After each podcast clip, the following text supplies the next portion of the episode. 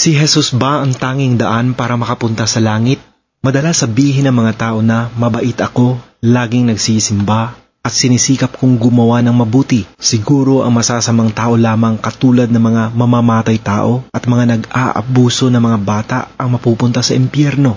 Ito ang karaniwang iniisip ng mga tao, pero hindi ito totoo. Si Satanas ang naglalagay ng ideyang iyon sa isipan ng mga tao. Siya at ang mga sumusunod sa kanya ay mga kaaway ng Diyos. Unang Pedro, Kabanata 5, Talata 8. Laging nagkukunwari si Satanas na siya ay mabuti. Ikalawang Korinto, Kabanata 11, Talata 14 at kinokontrol niya ang isip ng taong hindi pa nananampalataya sa Diyos. Sinasabi ng Ikalawang Korinto, Kabanata 4, Talata 4, ayaw nilang manampalataya sa magandang balita dahil binulag ang kanilang mga isipan ni Satanas, ang Diyos ng mundong ito. Binulag niya sila upang hindi nila maintindihan ang magandang balita tungkol sa kapangyarihan ni Kristo na siyang larawan ng Diyos.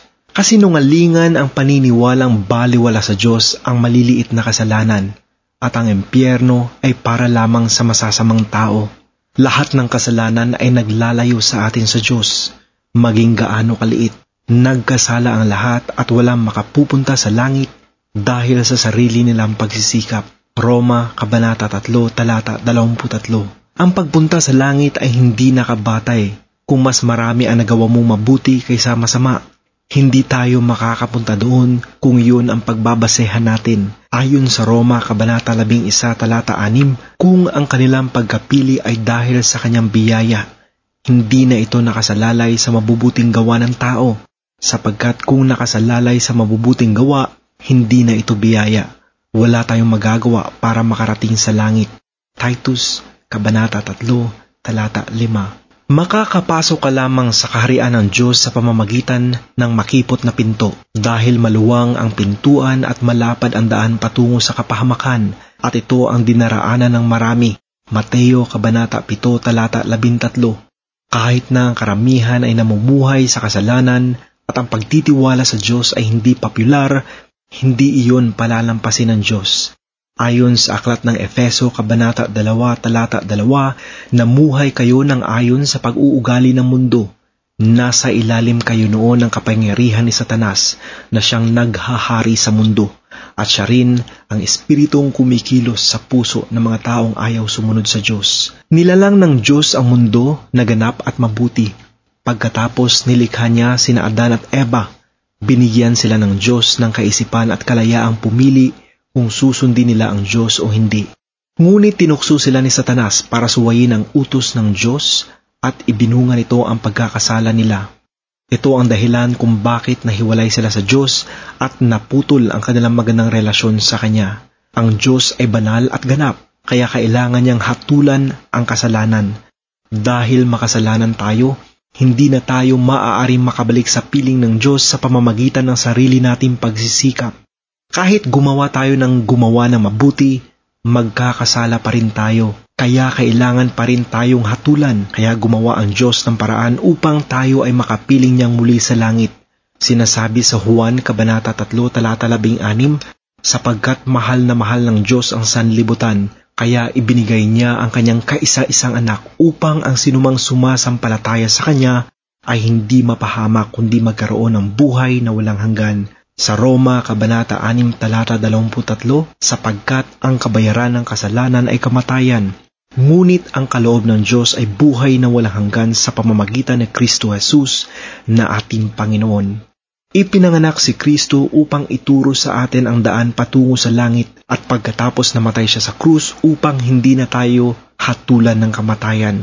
Sa ikatlong araw ay muli siyang nabuhay mula sa mga patay Roma Kabanata 4 Talata 25 Patunay na natalo niya ang kamatayan. Siya ang naging tulay sa Diyos at sa tao para makabalik tayo sa Diyos at maging maayos muli ang ating relasyon sa Kanya kung tayo ay sasampalataya. Ito ang buhay na walang hanggan, ang kilalanin kanila, ang iisa at tunay na Diyos at si Yeso Kristo na iyong sinugo. Juan Kabanata 17 Talata 3 ang karamihan sa mga tao ay naniniwala sa Diyos, pero pati nga si Satanas ay naniniwala rin. Para matanggap natin ang kaligtasan, kailangang lumapit tayo sa Diyos. Talikuran natin ang ating mga kasalanan, sundin natin siya at ayusin natin ang ating relasyon sa Kanya. Magtiwala tayo ng lubusan kay Jesus sapagkat sinabi sa Roma Kabanata 3 Talata 22, pinawalang sala ng Diyos ang lahat ng nananalig kay Heso Kristo. Sa ganitong paraan lang tayo maliligtas, maging sino man tayo o anuman ang ating nagawa. Sinasabi sa Biblia na walang ibang daan patungo sa kaligtasan ng tao maliban kay Heso Kristo. Sinasabi ni Jesus sa Juan Kabanata 14 talata 6, Ako ang daan, ang katotohanan at ang buhay, walang makakapunta sa Ama kung hindi sa pamamagitan ko. Si Jesus ang tanging daan para maligtas tayo, sapagkat siya lang ang nagbayad ng hatol para sa ating mga kasalanan. Roma 5, talata 8. Sinasabi rin sa gawa 4, talata 12, kay Heso Kristo lamang matatagpuan ang kaligtasan sapagkat sa silong ng langit ang kanyang pangalan lamang ang ibinigay ng Diyos sa ikaliligtas ng tao.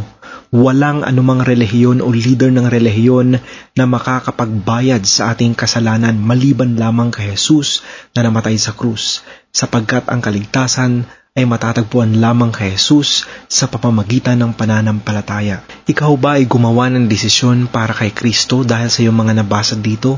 Kung oo, i-click ang tinanggap ko si Kristo ngayon sa ibabang kahon.